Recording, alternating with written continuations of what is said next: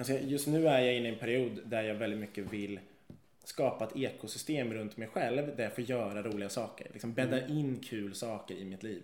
Och det är väl också lite fördelen med att driva ett företag också. Att jag, kan ju, jag har ju möjligheten att göra det, friheten att göra det.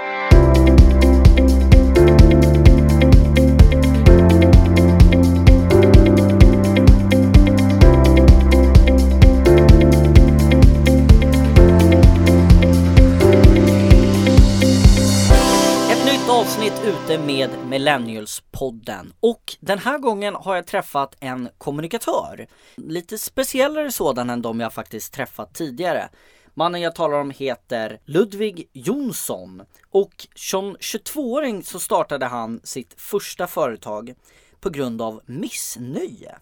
Idag driver Ludvig och hans partner kommunikationsbyrån Rodolfo som har valt att ta an kommunikation ja, på ett lite annorlunda sätt skulle jag säga. Han berättar om sin tidigare dröm som ett lovande hockeyproffs som slutade i en skada och han fick tänka om. Efter sen att han hoppar av plugget och nu kört på med sitt företag kan man inget annat än att säga att det har gått väldigt bra. Det blir mycket prat om solar, emojis, att hans nuvarande jobb faktiskt inte är i närheten av det som han egentligen vill syssla med när han blir äldre. Okej, men nu kör vi igång. Rulla bandet! Ludvig Jonsson. Men du, var sjukt roligt att jag fick tid att sätta mig ner och, och köta lite med dig. Tycker jag också. Ja, Jätteroligt. i den här eh, extremt häftiga lägenheten. Vad roligt. Känns som att det nu helt plötsligt så blev det någon slags skrytlägenhet. Nej, men det är ju skithäftigt och alla stora fönster och där också va? Ja. ja, exakt. Vad är det där uppe då? Ja, det undrar jag också. Du får jättegärna hjälpa mig att komma på vad det ska vara för något. Just nu är det ingenting. Nej. Men eh, det är ju en fin plats. Det, är, det ska vara någon slags övervåning. Ja, men precis. Det, det skulle ju kunna vara ett gästrum. Ja. Men jag vet inte riktigt. Jag har inte riktigt, jag har inte riktigt landat i vad jag ska ha det till. Kontor var liksom grundtanken. Men jag Ja. insåg ganska snabbt att så här, varför ska jag sitta där uppe när jag kan sitta här? Det känns ju mycket finare. Det vi pratar om är ett typ av loft, eller det är ett loft. Ja. Kan man stå uppe där då? Man, ja, ja, absolut. Ja, Nej, men det är ganska högt i tak. Ja, du är lite längre än vad jag är i alla fall. Så att, ja, Ja, precis. Lång. Jag är väldigt lång. precis. Men du, eh, vi kör igång direkt. Mm. Fem snabba. Spännande. Mm. Vad bra att du tycker det. Ja, det tycker jag. Rensa tankarna. Sommar eller vinter? Sommar. Mhm. Insett det nu i alla fall. Okej. Mm. Nej, jag såg det. Du, du gillar ju att åka skidor. Mm, jättemycket. Så det var därför, ja, mm. men ändå sommar. Vi kommer tillbaka. Mm. Teori, praktik. Oh, kombinationen men praktik Mm. får jag ändå säga. Hemma eller borta? Eller borta eller hemma? Exakt. Hemmaplan känns ju ändå som, som bäst. I slutändan så tror jag det.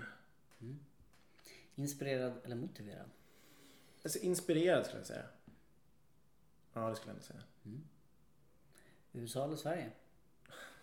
Samma sak som med hemma och borta. Jag tror USA behövs ibland. Men eh, på lång sikt Sverige. Mm. Men hemma ändå, du gillar ju att resa. Jag gillar förstått. jättemycket att resa. Alltså jag gillar jättemycket att resa. Men sen ska jag vara ärlig och säga att varje gång jag är iväg så blir jag också ganska glad när jag kommer hem. Mm. Alltså det är ju den, den, den klassiska känslan infinner ju sig hos mig också. Att jag tycker att det är rätt härligt att få, få komma tillbaka. Mm. Eh, och trivs ganska bra med att vara tillbaka i Sverige också. Men jag älskar att resa, det gör jag verkligen. Jag tycker det är helt underbart. Hur många resdagar har du? Typ på ett år? Både Mm, det är en bra fråga. Men jag hade, nu ska jag säga, förra året så hade jag ändå totalt, ja det var nästan tre och en halv månad i alla fall. Oj! Så det var ju Okej. ganska mycket. Ja. Men då var jag ju aktiv med att så här, nu ska jag resa mycket. Mm. Nu ska jag vara iväg, jag behöver det av flera olika anledningar. Då blev, då blev det så liksom per automatik. Och lite som, alltså just nu är jag inne i en period där jag väldigt mycket vill skapa ett ekosystem runt mig själv där jag får göra roliga saker. Liksom bädda in kul saker i mitt liv. Och det är väl också lite fördelen med att driva ett företag också. Att jag, kan ju, jag har ju möjligheten att göra det, friheten att göra det. Vi har ju en ambition om att kanske starta någonting i USA exempelvis. Och då måste man ju åka till USA för att kunna, kunna göra det. Ja, det är ju så. Vad, vad skulle du säga? Vad har varit det bästa resmålet?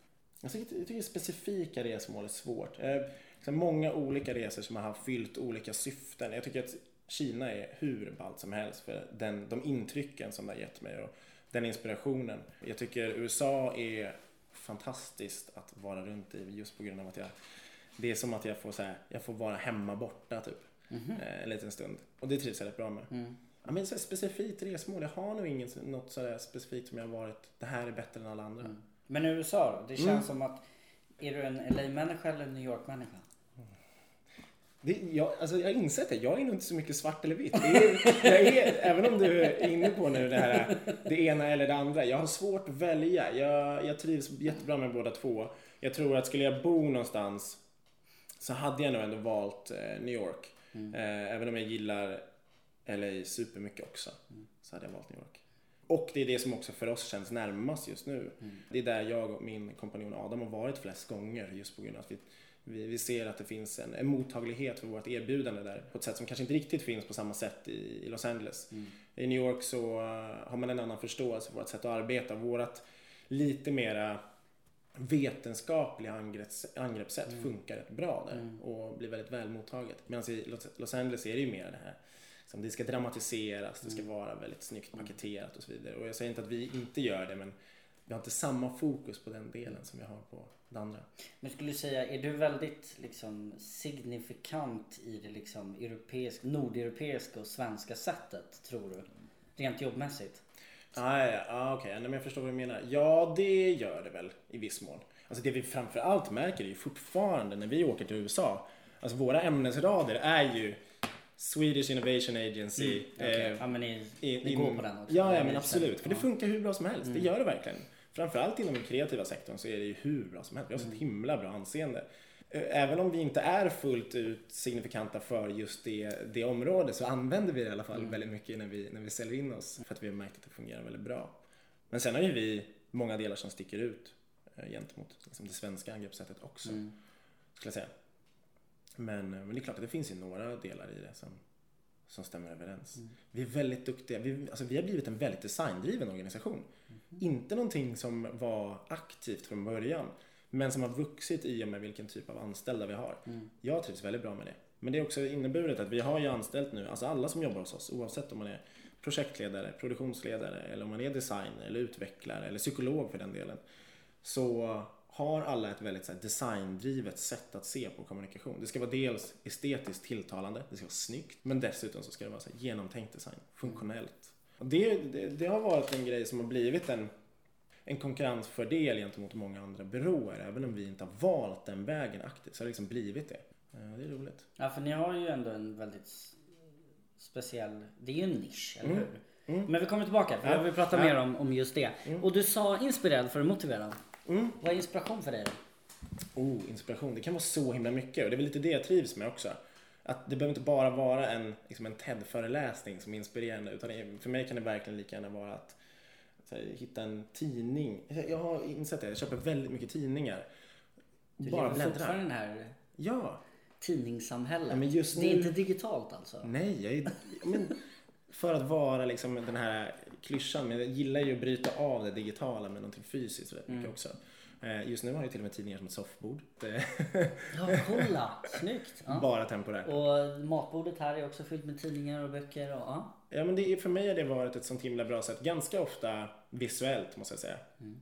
Alltså, jag gillar att bli inspirerad visuellt. Se saker som är snygga. Se saker som är byggda på olika finurliga sätt. Det tycker jag är väldigt härligt. Jag tror att, en annan grej jag bara kommer att tänka på nu, men jag tror att det också i, avspeglar sig lite i vårt sätt att arbeta. I form av att så här, jag gillar att se saker komma till liv. Vi har jobbat väldigt mycket nu med att vi ganska snabbt vill gå från insikt, idé till prototyp. Det, det är ju generellt sett ganska många byråer som gör det nu, men för oss har det varit en jätteviktig del att snabbt testa idén rent krasst. Hur kommer den här se ut? Om vi har en, digital, en idé om att göra en digital tjänst som visualiserar luftföroreningar, istället för att prata om det så kanske testa göra den väldigt snabbt för att se om det här är någonting som vi faktiskt kommer använda eller inte. Och det är liksom så här prototyptänket. Det har blivit väldigt användbart. Det har blivit väldigt bra för oss att se framför oss. Exakt så här kan det te sig. Jag vet inte vad det du- hade mig inspirerad att göra. Men Ja. Nej men det, och det känns som att du kommer mycket tillbaka till bolaget, vilket jag förstår. Ja. Men hur, hur, vad skulle du säga, Rodolfo, är det, är det minimi av dig? Eh, nej, jag vet inte om Rodolfo är, är miniversion av mig. Det är det nog inte. Det är klart att mitt, mitt privatliv och mitt eh, liksom, yrkesmässiga liv glider ju ihop väldigt ofta. Så är det ju att driva bolag. Men jag har blivit bättre på att separera dem under de senaste åren. Ändå. Det skulle jag verkligen säga. Men du, om jag säger att du startade ju din karriär inom hockey. Mm. Mm. Med, eh, som jag antar att du skulle väl bli hockeyproffs? Ja, Ja, det var ju tanken. så skrattar du. Ja, och det kanske eh, var väl också för att du, eh, du åkte ju på framförallt en, ja du hade ju olika skador va, men Mm. en som gjorde att du inte längre kunde spela hockey Mm. på den nivån. Och, eh, och du började ju studera. Mm. Och det känns som att det var på något sätt, det kanske du hade hittat innan men det, får det vill jag gärna komma in på. Men du satsade ju mer på din kreativa, kreativa sida då. Alltså ja och nej, nästan tvärtom skulle jag säga. Att det är någonting som har kommit mer på senare tid. Mhm. Jag började väldigt mycket som så strateg, jobbat mycket insiktsmässigt, jobbat, alltså nästan haft någon slags, och det har ju också att göra med att vi är små, men alltså, jobbat, näst, haft nästan en så här projektledarroll, Mm. eh, men med strategisk tyngd då. Och har under senare år egentligen, senaste kanske, ja men sen vi startade, kanske sex åren, varit ännu bättre på att bejaka min kreativa sida. Och det har, jag tror att det, det finns två anledningar. Den ena är att jag har insett att så här, vad fasken, jag är, rätt, jag är rätt duktig på det. Tänka kreativt, ganska så här, rationellt och logiskt kreativt. Men sen också att jag har, sen vi startade byrån, umgått väldigt mycket med psykologer. Väldigt, väldigt mycket psykologer. Har alltså, extrem kärlek och respekt till alla psykologer. Nej, inte alla, men de flesta. eh, men och då var det en psykolog, var eh, en väldigt god vän till mig, Niklas Laninge, pratade mycket om kreativitet. Och att kreativitet i grund och botten är liksom en uppsättning beteenden. Någonting man kan träna upp. Det är alltså inte någonting som du föds med. Så att vissa personer är så här, åh, superkreatören liksom. Utan det är egentligen en, någonting man, man gör och det går ju att göra, bli bättre på. Och när han berättade det så var jag ganska snabbt och sa, fan, då borde jag också kunna vara kreatör. Även om jag liksom inte haft stämpeln kreatör sedan tidigare. Jag har inte varit den som har suttit och ritat i skolan. Så borde jag också kunna liksom vara kreativ på mitt sätt. Och ända sedan dess har jag liksom bejakat den sidan mycket mer. Och nu, nu jobbar jag extremt mycket i den kreativa processen också. Nej, backa lite på den då. Ja. Men i det här, i och med det här, all, eller det utkomsten liksom, så startade ju du byrån Rudolfo redan vid 22 års ålder. Mm. Som du fortfarande driver och jobbar på. Rent studiemässigt så har du ju pluggat på Bergs, Mm. marknadskommunikation. Kan man säga studerar, eftersom den inte är klar än, civilekonom på SU? Ja. Eller du känner att jag har Studerar. lämnat det där nu? Ja, ah, jo, nej men alltså verkligen. Jag tror... Alltså jag skulle vilja säga att jag ska bli klar med men jag kommer verkligen inte bli det. Och det, Det har kanske inte- blir 45-årsprojekt Exakt, Ja. bara för att känna att man behöver closure. Nej, jag, jag kommer nog inte plugga klart eh, civilekonom. Mm. Absolut inte. Eh, Jag känner mig nöjd med det. ja, du har ju satsat på något annat och det Mm. känns ju inte som att det har gått helt åt helvete i alla fall. Nej, nej, det känns inte så i alla fall. Nej. Men förutom det här då? Vem Mm. är Ludvig Jonsson? Oh, det är en jättebra fråga. Nej men generellt sett så är jag ju en person som så här, Men det var roligt, jag pratade faktiskt med, med, en, med en kompis häromdagen att så här, Jag tror min, ur ett eh, personligt plan, jag har Jag är nog, jag är väldigt driven av att jag vill vara snäll. Jag är nog ganska ödmjuk och ganska sympatisk även om jag ofta, allt som oftast är ganska ifrågasättande och kan på så sätt upplevas som att jag tycker att jag vet bättre. Men så är jag väldigt mån om att få andra att vara duktiga. Liksom skapa förutsättningar för att alla andra ska vara, göra sitt liksom, absolut bästa. Så här, detaljmässigt, jag tror min 16F-insikt, Jan Gradvall brukar prata om att han alltid beställer tomatjuice på flygplanet bara för att så här, hitta någonting som han är känd för, någonting specifikt liksom. Jag vet inte jag om tomatjuice egentligen är så himla unikt. Jag dricker massa tomatjuice, jag tycker inte det är så konstigt. Men när han är på flygplan så beställer han i alla fall tomatjuice och så liksom vill han skapa känslan av att säga, ah, han på 16F ska ha tom- ska ha tomatjuice. Så här.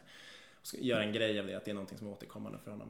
Någonting som har blivit återkommande för mig är insett att jag av någon anledning långt tillbaka väldigt anti att använda emojis. Så det finns liksom inte i mig att göra det.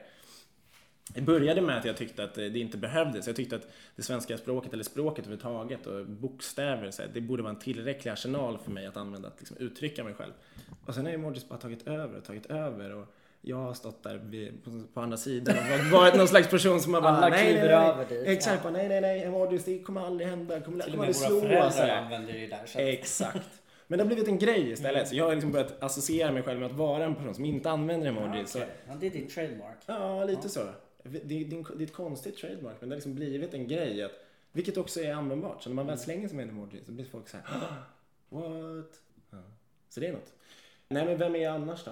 Men det går ju lite emot tycker jag på något sätt som du sa att du, det, det är viktigt att visualisera som du pratade om som ni hade lite som den visionen på, Mm. Verkligen. på Rodolfo. Verkligen. För att emojis är ju för att förhöja känsliga uttryck eftersom text har vi förstått är ju ett ganska ineffektivt Mm. kommunikationsmedel. Om du nu jämför kanske med video till exempel. Mm. Beror på i vilket sammanhang. Men eh, Verkligen. Det är otroligt motsägelsefullt. Jag vet inte vad det är men det där är nog snarare någon slags... eller känns det töntigt? Är det det? Ja, det är alltså, så jag, oseriöst? jag vågar ju knappt säga det högt men jag tror att egentligen så från min sida så har det nog varit en så personlig grej om att jag jag tycker, ja men precis, i början så kändes det som en töntig grej. Ja. Jag tänkte såhär MSN-emojis Ja, när man ja, slängde sig med en ja, massa det. rörliga, häftiga sådana här. Och då tyckte jag att nej, jag kan sticka, här, här finns det en öppning för mig att sticka ut. Jag, tar, jag tar den, eh, även om det är på bekostnad av eh, emoji-generationen. Ja. Så att jag, jag tror nog att det snarare kanske var det. Men även om, som du säger, alltså jag, jag fattar ju att emojis är jättebra. Och jag börjar ju nu och nu mer, mer och mer så falla för, för trycket. För att jag inser att det, det har sina fördelar. Eller många av mina vänner reagerar fortfarande om jag skulle slänga mig med en emoji. Liksom. Mm. ja, det vet man inte om? Ja. Nej, det, det var knappt att jag visste om det själv. Jag har liksom fått det påtalat ganska Mm. ofta nu senaste. Men, ja. Vad ska du bli när du blir stor? Det vore skönt att ha ett, ett vanligt jobb. Jag, jag, jag har alltid haft en, ett superstort intresse för, att bli, för utbildning. Mm. Och har någon slags eh, tanke om att i nästa liv eller senare i livet så ska jag utbilda mig till lärare. Så det väl... Det är Jag pratar den här grundskoleläraren i matematik eller pratar vi på Bergs? Nej, Förstår inte på Bergs. Nej, men Nej, förstår skillnaden. Ja, men jag Ja. förstår verkligen skillnaden. Nej, absolut inte någonting som har med, med det jag gör idag att göra. Utan snarare så här, men typ... Eller livscoach? Ah, mm, nej. Där drog det lite. Ja, nej. Den, Det hade varit fint. Jag hade gärna sagt ja bara för att det hade varit, det hade varit något fint i det. Men nej, jag tänker snarare ja, men så här, kanske engelska eller sånt där. mm. Men, Men ändå ganska i, långt ner. i skolan så att ja, säga. Ja, ja. Så, ja. så här, mellanstadieklass typ. Mm. Eh, och kanske inte så mycket för just på grund av att jag brinner för något specifikt ämne utan mer för lärandet i sig. Mm.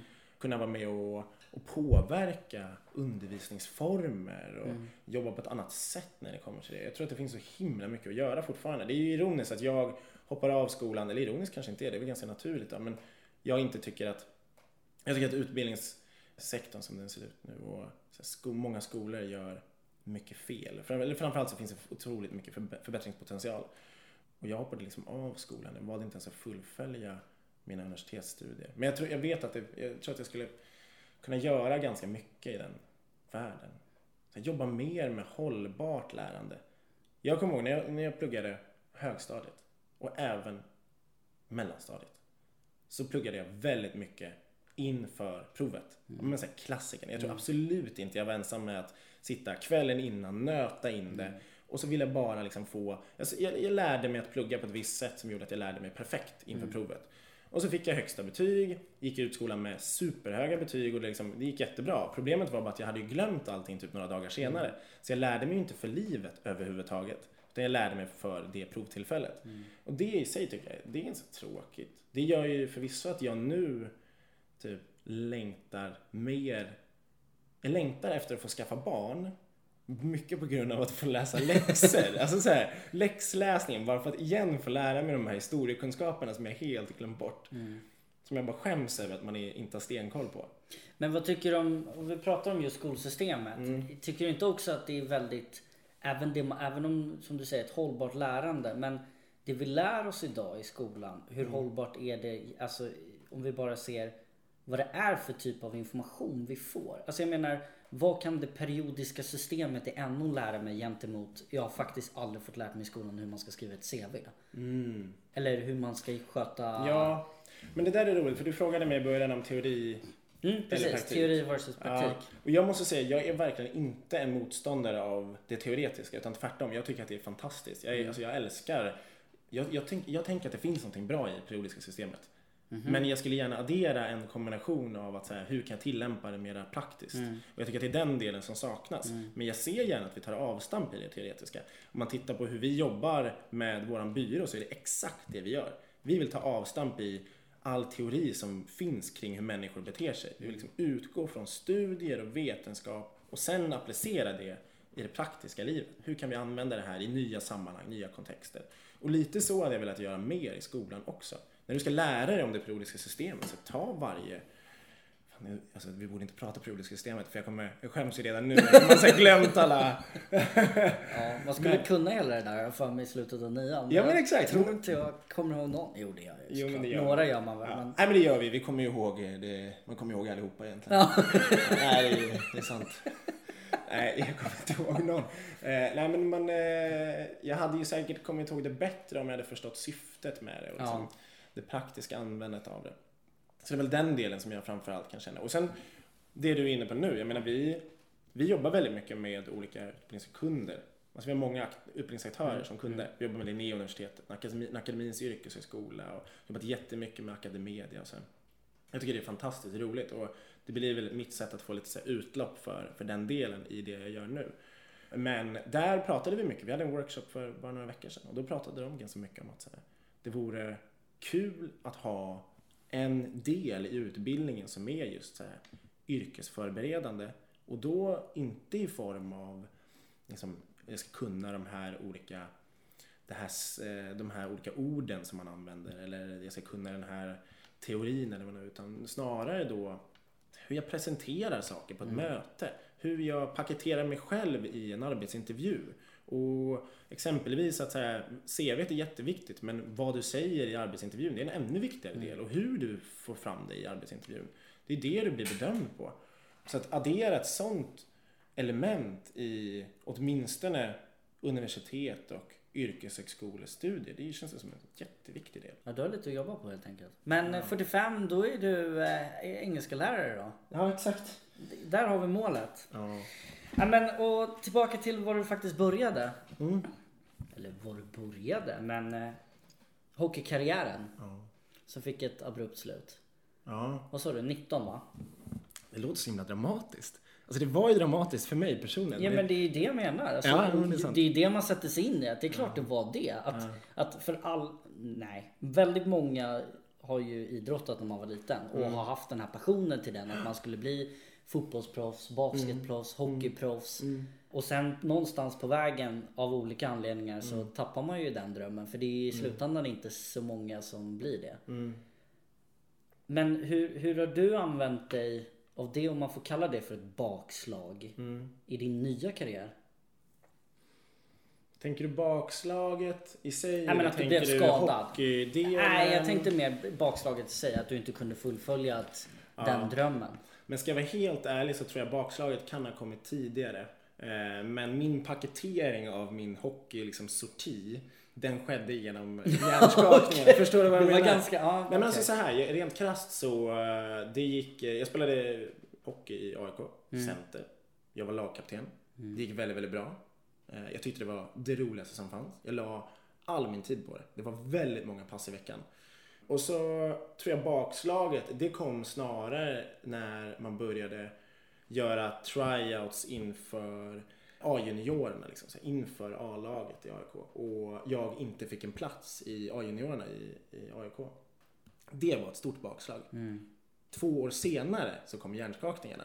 Men jag tror att det faktiska bakslaget, det var det som kom då egentligen. Mm. När jag liksom inte fick den här platsen. Men du kom väl in där sen, gjorde du inte det? Inte A-juniorerna i Nej. AIK, utan där, det som skedde var att efter det så kom jag, för att jag ville fortsätta spela, så tog jag mig till Sollentuna istället, där mm. jag kommer ifrån och började spela och hade någon tanke om att säga okay, jag ska bara, jag ska bara vara här en liten stund. Mm. Det är bara en mellanperiod för att sen komma tillbaka och göra liksom världens, eh, världens avslut. Men, eh, men det skedde ju inte. Men sen, sen är ju realiteten att jag fick två hjärnskakningar sista säsongen mm. och de var ganska tätt in på varandra vilket gjorde att jag var tvungen att sluta med hockeyn för att de läkarna var liksom såhär, du får en till nu så kan du verkligen, det kan ju gå illa för dig. Och det fick ju i sin tur göra att jag var tvungen att sluta. Så var det ju. Det är ju det är ju sanningen. Men samtidigt så tror jag att här, när jag tittar tillbaka på det så tror jag att min hockeykarriär kanske tog slut lite tidigare mm. än det. Mm. Sen har jag inte liksom velat erkänna det för mig själv. Jag trivs bättre med att bara liksom paketera det som att nej, det var hjärnskakningarna som, mm. som gjorde att det tog slut. Så jag så här efterhand så, det låter ju konstigt, jag kanske är lite tacksam för hjärnskakningarna. För det gjorde mitt beslut lite lättare. Mm. Det gjorde att jag jag hade liksom inget val. Jag var tvungen att välja bort det jag älskade att göra. Men var, det- var det en besvikelse då, då? Där du inte kom in? Ja, otrolig besvikelse. Det var jobbigt som fasiken. Alltså jag ska också säga att jag har hade vid det tillfället kanske inte haft så mycket den typen av bakslag just i form av att det hade gått väldigt bra i skolan och det hade gått väldigt bra idrottsmässigt och att få ett sånt, du kommer inte få spela i den här klubben. Tror... Eh, Och det var dina kompisar som Ja, var med och som gick absolut. upp också. Ja. Ja men precis, för vissa av mina, mina vänner fick ju fortsätta liksom. Mm. Och jag tyckte också såhär, jag kommer initialt så kommer jag ihåg att jag tyckte det var så orättvist. Det första jag tänkte var bara såhär, fast det här är liksom inte rimligt för jag är bättre än många av de som är, de har fått plats. Mm. Och då börjar man liksom hitta sådana bortförklaringar.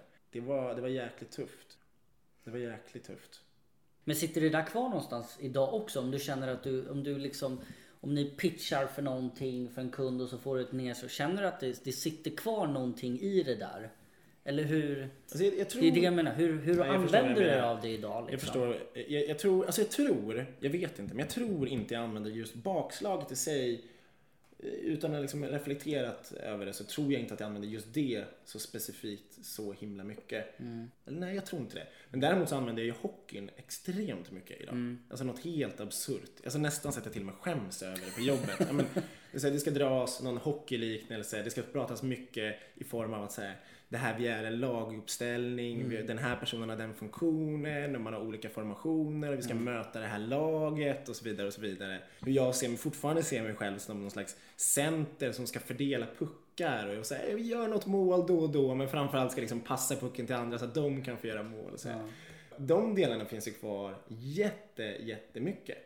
Eh, Och även i pitcher. För pitcher är ju det jag idag kommer liksom, det är liksom det närmaste jag kommer tävlingsgrejen. Mm. Så jag älskar ju det. Alltså jag älskar ju att tävla. Jag är, skäms över hur mycket jag tävla, älskar att tävla. Jag skäms också över hur, hur dålig förlorare jag är. Men jag är bra på att vinna i alla fall. Det där hänger kvar jättemycket och jag tror att det har supermycket fördelar. Alltså det gör ju att jag, jag går in i den typen av situationer med allt. Alltså hela hjärtat och fasken, precis varenda liten del av mig är en del av pitchandet. Från på något sätt eh, den biten med, med hockeyn och allt vad det är så drog du igång eh, Rodolfo med din kollega. Mm. Vid 22 års ålder. Mm. Kaxigt. Ja, Coolt. Och utan någon större erfarenhet från branschen på det sättet. Ni båda hade ju jobbat i och ni träffades på, på bolaget innan. Precis. Vi jobbade tillsammans på en annan byrå precis innan. Mm. Vi förenades ju väldigt mycket i att vi hade ett gemensamt missnöje. Vi var väldigt, alltså gud jag kan nästan titta tillbaka på det så jag tycker att det är lite komiskt hur, hur sura vi var. Satt och bara var irriterade på att alla andra gjorde fel och eh, Alltså på bolaget eller kanske Mm. branschen i sig? det, nej, men det visade sig att det var både och egentligen. Mm. Det var ju primärt där och då så tänkte vi att så här, fan, vad håller de på med här? Så här, mycket seniora kreatörer som hade en specifik syn på hur man skulle jobba och hade väldigt svårt att ta till sig det som vi sa. Eh, Men ganska snabbt så insåg vi att det gällde ju inte bara för den byrån utan det gällde ju för branschen i stort. Liksom. Och Det här var ju mitt i någon slags skifte. Och missnöjet fick bli drivkraften till att skapa en förändring. För först testade vi göra det där. Så först var det så här, ja men fan, vi borde kanske organisera oss på det här sättet. Vi kanske borde ta in den digitala kompetensen i ett tidigare skede och, och så vidare och så vidare. Men eh, Ja, det är ganska naturligt att börja så också. det, det Men så fick ni ingen fäste på det misstänker jag. Absolut ingenting. Alltså så här, klassiken var typ, vi tog fram en idé som där liksom, det, det tog avstamp i det digitala kanske. Och så pratade vi med kreatörerna och så slutade det med att så här, jo de bara, ja, ja ni kan väl få presentera den men då får ni presentera den sist. Så det slutade med att när vi hade presentationer så kanske vi hade så här, två minuter i slutet och de hade 58 minuter där de presenterade sin printannons. Och så hade vi två minuter i slutet där vi fick presentera våran idé. Allt som oftast så fick vi ändå igenom den lilla digitala idén på två minuter ändå och vissa har gått hur bra som helst och ganska ofta till och med bättre än printgrejerna. Så där då insåg väl vi att så här, fan det vi har och det så här sättet som vi ser på kommunikation och hur man borde organisera sig, det finns någonting här. Så då började vi forma och paketera Rodolfo vid, vid sidan av, eh, av den byrån. För vi insåg att det var inte rätt ställe att göra det. Och naiva som vi var så testade vi att dra igång själva. Och lyckades få med oss några av kunderna från den byrån och så hade vi ganska mycket att göra från, från starten. Men ja men så här, steget. Ja. Var det lite från en dag till en annan? Även om ni började lite vid sidan av? Men Nej. ni kastade er ut? Eller visste ni att ah, men okej, vi är uppsäkrade i alla fall? Jag tror, så här i efterhand så tror jag att det var nyckeln för att det har gått så pass bra som det har gått, får man ändå säga. Det har varit att vi hade kunder från första början. Vi hade ju, delvis så vet jag faktiskt inte om vi hade dragit igång om vi inte hade haft det. För det som skedde var att vi, vi formade Rodolfo under en ganska lång tid. Så att, satte ner tankarna, eh, filosofin, arbetsprocessen och så vidare. Och så drog vi det för några av de befintliga kunderna som vi hade på den byrån och sa att det här är det som vi kommer göra. Utan att det andra låter- bolaget visste om det? Ja, precis. Eller det ni jobbade på då? Ja, och det var en liten udda situation för det by, Ja, den byrån det höll lite också sketchy. på, ja jag känner det. Ja. Nej, men den- byrån höll dessutom på att, alltså den höll på att dö ut på riktigt. Mm. Eh, Så vi drog de här tankarna för, för dem. Då tyckte de att men det här känns jättespännande. Då valde ju de att följa med. Så att innan vi ens hade startat så hade vi egentligen kunder. Mm. Eh, Vi hade saker att göra från dag ett. Och det tror jag varit nyckeln. Tror det har varit jättesvårt att börja med Hej, här har vi, vi har en jättebra process som vi tror på. Vi tror på att jobba på det här sättet. Kan inte ni ge oss massa uppdrag? Det tror jag hade varit en utmaning. Eh, nu satt ju vi ganska bra till från början. Liksom. Och lyckades dessutom samla på oss case. Det gjorde att vi, hade, vi, fick, vi jobbade jättehårt i början med att ta fram projekt som vi tyckte var bra och lyckades med dem. Och det i sin tur ledde vidare till nya kunder. Och, Så det gick ändå, det har ju ändå på något sätt gått ganska bra. Jag menar trots allt eh, det vi började prata om med, med hockeyn och allt det där. mm. Det känns som att du mår ganska bra idag i alla fall. Ja, trots allt. Eller? Ja, alltså det är roligt. Vi, vi hade en middag i eh, förra helgen och då gick vi så här. Det är en middag där vi ses i ett sällskap återkommande och då eh, avslutar vi middagarna med att fråga liksom hur, men hur man skulle ranka livet just nu. En skala 1 till 5. Ja, vad intressant. Ja, det är roligt. Och det är också så här, det blir kul för då kan man följa upp från den ena middagen till den andra och så vidare. Och så får man motivera varför livet är som det är just nu. Och då fick jag just den frågan. Och jag tycker att livet är helt okej just nu. Jag tror att jag landade på 3,5 av 5. Liksom. Ja. Det tycker jag ändå, det var, det var okej. Och då ska sägas att just nu så har jag en ganska alltså, man blir ganska cyniskt inställd till livet av att vara arbetsgivare och göra det man gör. Så jag tror att det är svårare att vara helt nöjd. Så 3,5 av 5, det tyckte jag det var ganska positivt. Det var bra. Sen har vi en kille i gänget som inte var med på den här middagen men som också han har en ny inställning till livet. Han började i somras med att vara så aktivt solig. Så ständigt solig. Allting ska bara vara härligt och gott. Och Ja, okej, där. det var så du menade. Så jag var så här, menar du att han är brun? Eller?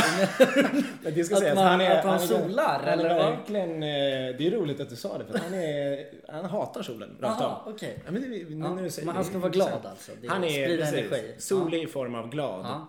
Han bestämde sig för det i somras och så har han så aktivt jobbat med det. Det är provocerande för mig som känner honom att se det. Men det är också extremt inspirerande för väldigt många andra. Det gör sitt jobb. Så den här veckan har jag bestämt mig för att jag ska vara aktivt solig. Så det är som att jag testkör det här konceptet nu. Det, det känns spännande. En solig vecka. bra utmaning tycker jag för alla. Framför allt den här tiden på året. Ja, precis. Solen är inte framme, du får vara din egen sol. Precis, Åh, exakt. herregud. Men vad, tre och en halv då? Vad skulle du säga? Jag tycker det där är väldigt intressant. Vad har du för värden i livet då som du begrundar den där tre och en halv av fem? Tyvärr, eller tyvärr ska jag inte säga, men jobbet är ju en stor del av mitt liv. Mm. Så är det. Men det är ju såklart. Sen tränar jag fortfarande väldigt mycket. Mm.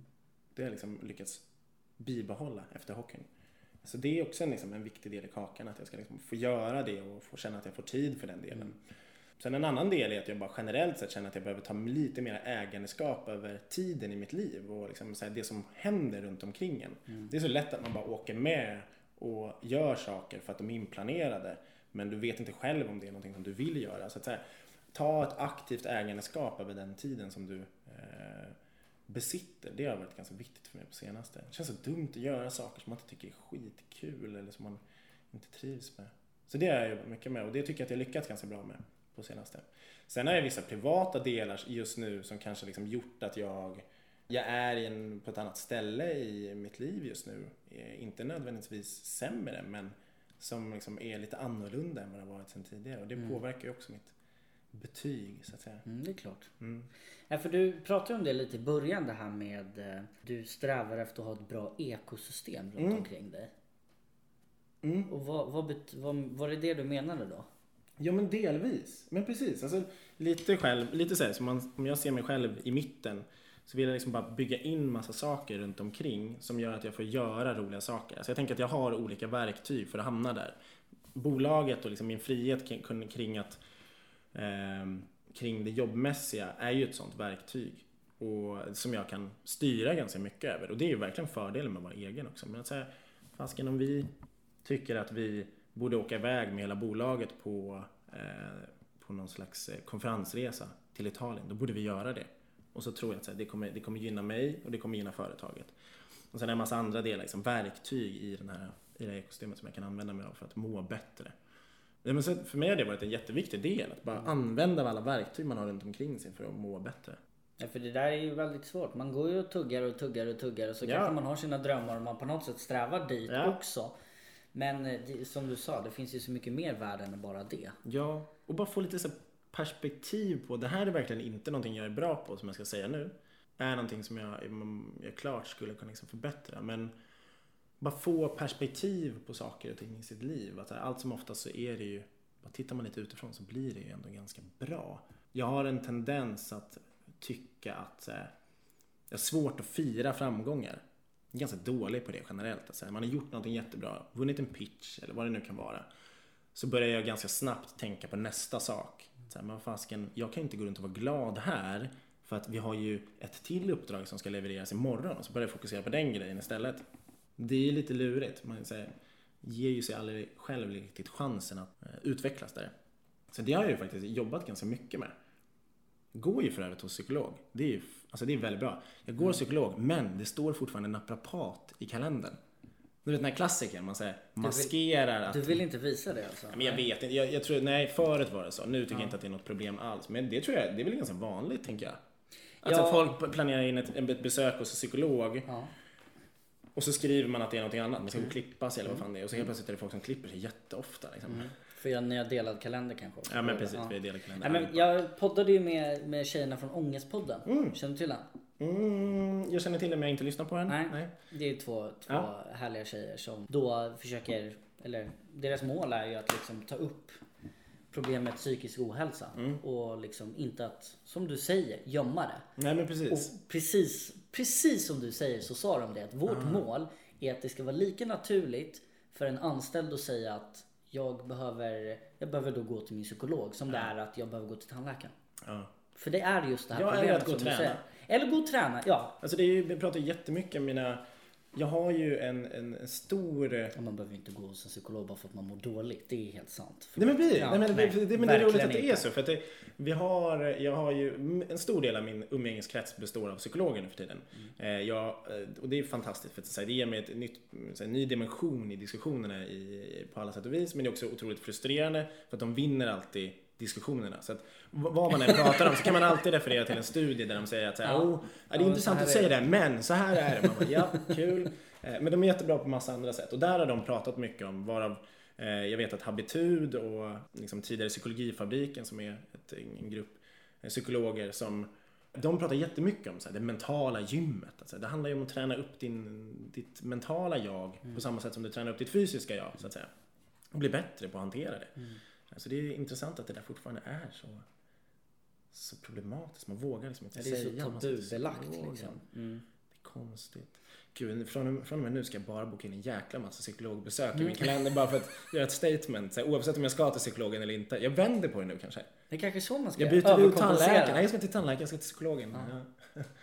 Ja. nej. Va, men du har klippt dig? Nej, nej, nej, nej, jag var psykologen. Ja, exakt. Ja, min psykolog klipper mig också. Ja, exakt, precis. Ja, allting är ju typ av terapi liksom. Men eh, jag har googlat dig lite. Mm. Jag, det ska jag säga, jag är för övrigt ganska besviken på mina Google-resultat. Mm. Också en sån grej som man bara säger. Jag har ändå jobbat med kommunikation, jag föreläser väldigt mycket. Det har skrivits ett par artiklar om mig och så vidare och så vidare. Jag tycker att jag borde ha ett bättre Google-resultat än vad jag har. Det här är ju någonting som man kanske inte borde säga högt. Ju, men, men jag tycker fan det är, det är inte så jävla bra, mitt, min Google-sökning.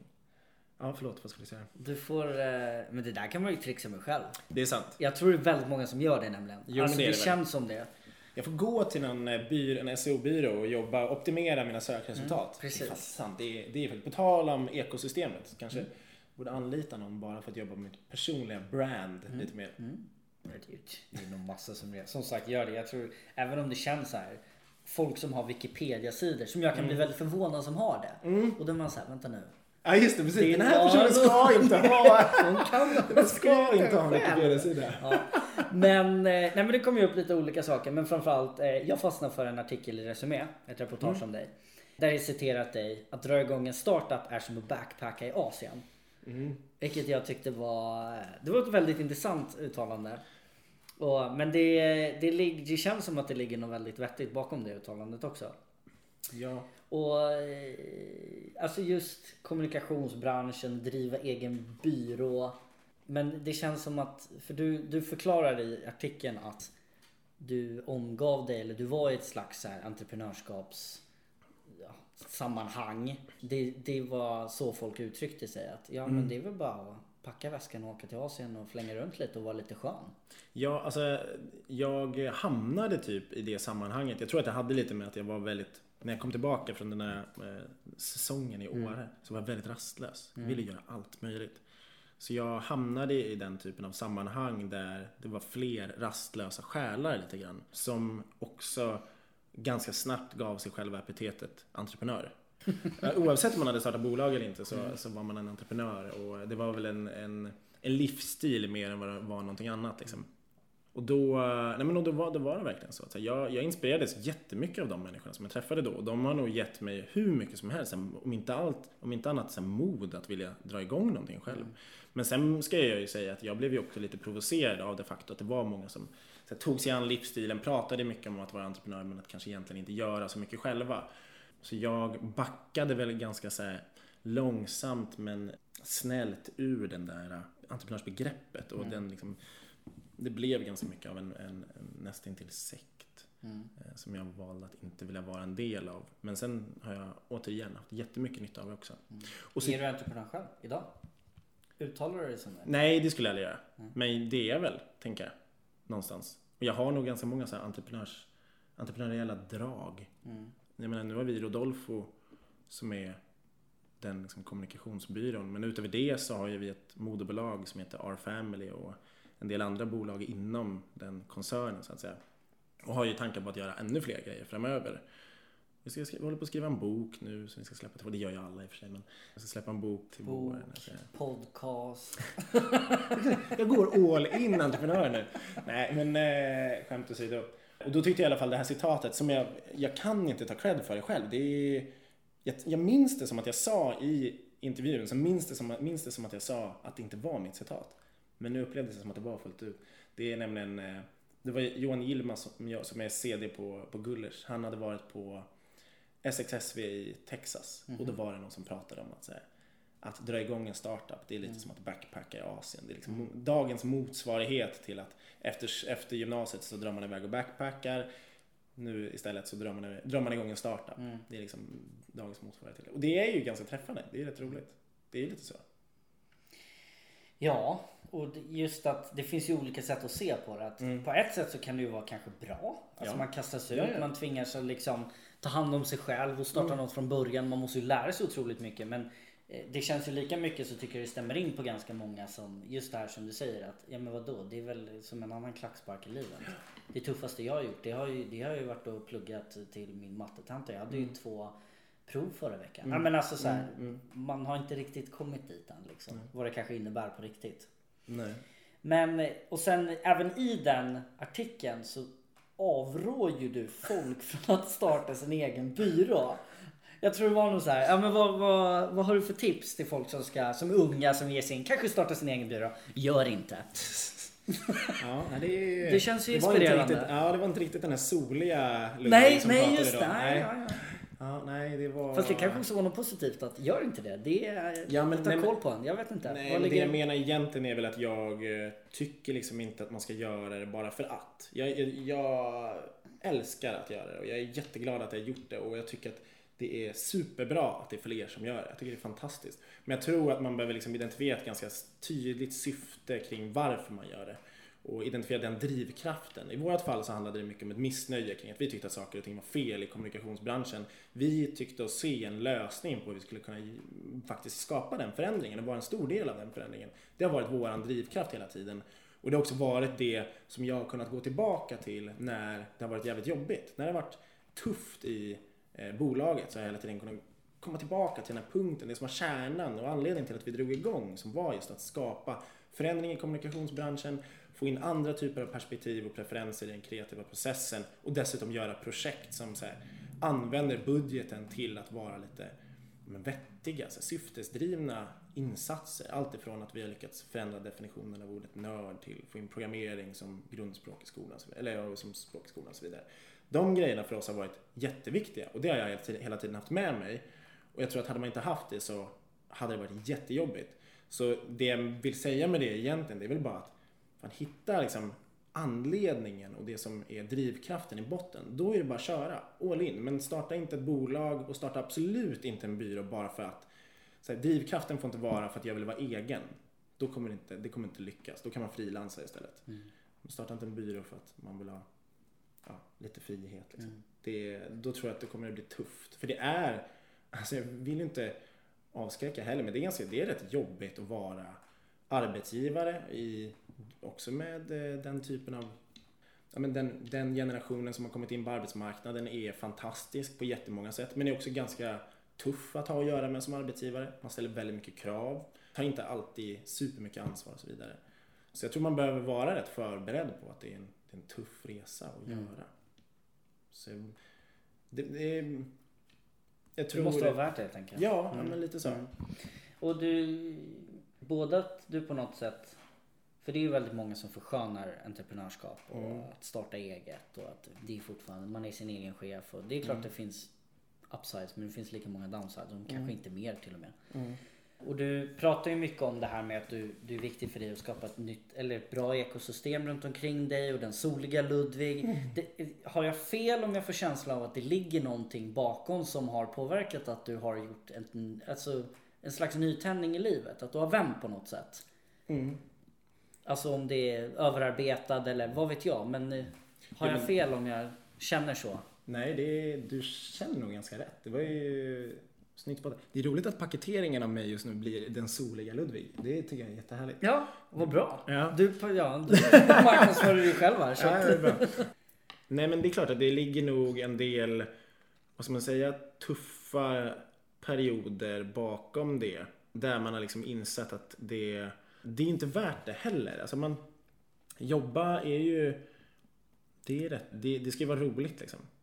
Det ska inte bara vara ångest och tröttsamt. Så att jag tror för mig har det varit en viktig del i när man liksom har varit i de här jobbigaste perioderna så jag har väl någonstans lovat mig själv då att jag ska måste skapa den här förändringen. Liksom. Jag måste ta mig ur det här. Sen har det inneburit massa olika saker. Det har inneburit allt från att omorganisera och plocka in en annan typ av anställda till att jag ska ha en annan inställning. Och mycket av det här, jag skyller inte någonting på, på folk som har jobbat hos oss eller någonting sånt utan snarare slarv av oss. Liksom.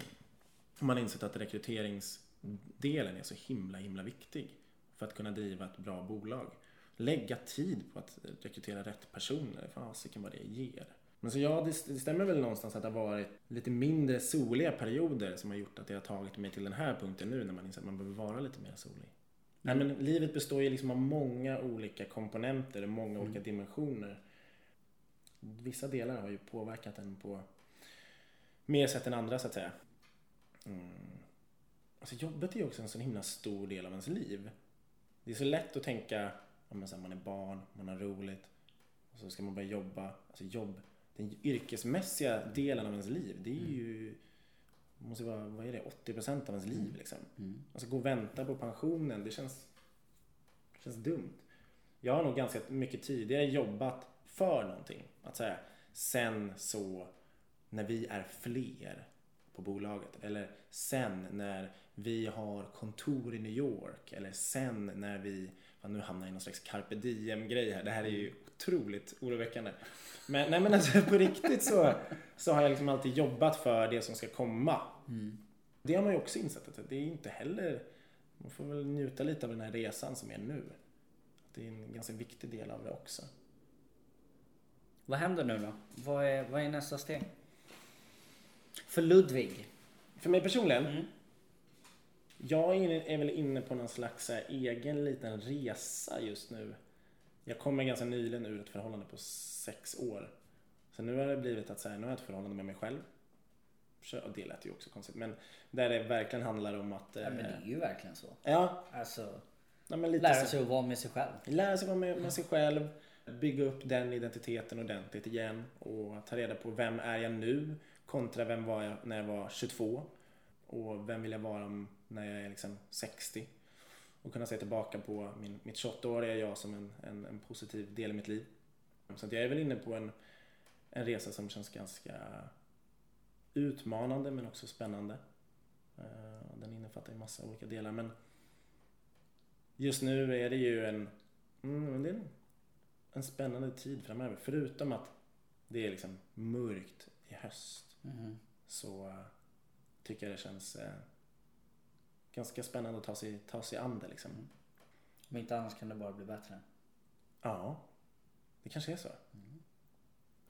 Jobbmässigt så är det att vi, vi har gått tillbaka ganska mycket till det som var rötterna. Som har varit väldigt mycket så här, psykologin och ta avstamp i hur människor beter sig. Så det håller vi på att liksom omorganisera oss lite för att ta oss an den uppgiften. Och det känns roligt. Sen har vi lite sidoprojekt på gång, men det har jag alltid. Mm. Kul. Mm. Något du kan berätta om? Mm. Ja, men det ena är väl boken. Det, är väl ändå, det får väl ändå anses vara lite av ett sidoprojekt. Vad ska den handla om? Den kommer handla om 107 studier som eh, förklarar lite varför människor beter sig som de gör. Så det är så små, Ah, korta, sammanställda psykologiska studier. Så har vi skrivit om dem och gjort dem lite roligare. Lättare förpackade och liksom lite mer tillgängliga. Och så har vi satt ihop en bok som vi kallar för Livet. Ödmjukt nog. Verkligen. Ja, spännande. Ja, men det ska bli roligt. Det blir roligt. Och den, är det Rodolfo som ger ut den eller är det...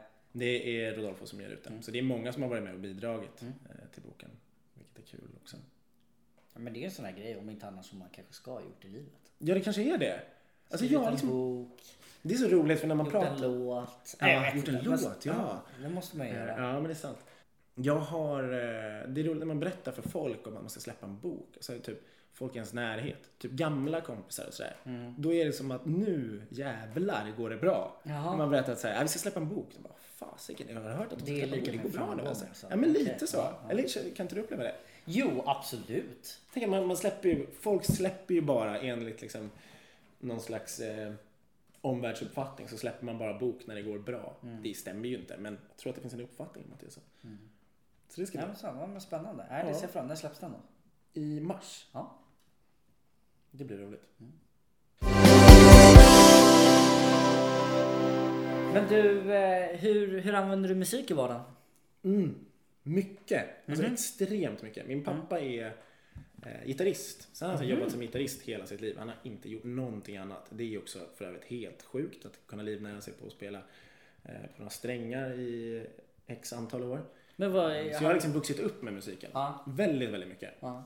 Varit på turnéer med honom och varit på massvis med konserter och eh, sådär. Mm. Men det har också gjort att, för jag har hela tiden därmed också fått frågan om, när man har vuxit upp, så har jag alltid fått frågan om att säga vad spelar du för någonting då? För du ska väl bli som pappa när du blir stor? Så här. Nej. Och då, nej men precis, och då har jag i det här någonstans byggt upp en eh, Ja, men det har väl varit mitt sätt att göra någon slags revolt. Och så här, nej, jag ska fasiken inte. Det är, ett- det är ett blir helt motsatt effekt. Ja. Ja, jag ska absolut inte hålla på med musiken bara för att alla tror att jag ska göra det. Mm. Men jag, jag, med det sagt så har jag, jag har vuxit upp med musiken och lyssnar extremt mycket på det och använder det på andra sätt. Har du någon speciell låt som, som du använder? Kanske lite extra boost än, eh, Mm. även om det är sol idag för en gångs skull. Men en novemberdag. Specifika låtar, jag är sämre på det. Jag, jag har, det är lite oväntat, men jag har väldigt mycket hiphop i mig. Extrem förkärlek till. Du ser, till det är lite LA i alla fall. Ja, ja, ja, visst. Nej men gud, jag- eh, i, i något annat liv då ska jag fan, då ska jag pyssla med hiphop. Jag tycker jag älskar hiphop. Men, eh, nej, men sen lyssnar jag mycket på det och typ soul och R&B och Mm. den typen av musik. Men du, stort tack för att jag fick komma förbi. Det var jätteroligt. Det var jätteroligt att prata. Men det känns konstigt att prata så mycket om sig själv. Gör det? Ja. Lite terapi kanske? Det kanske, precis, det kanske har varit det. Jag kommer gå härifrån och känna att jag har reflekterat.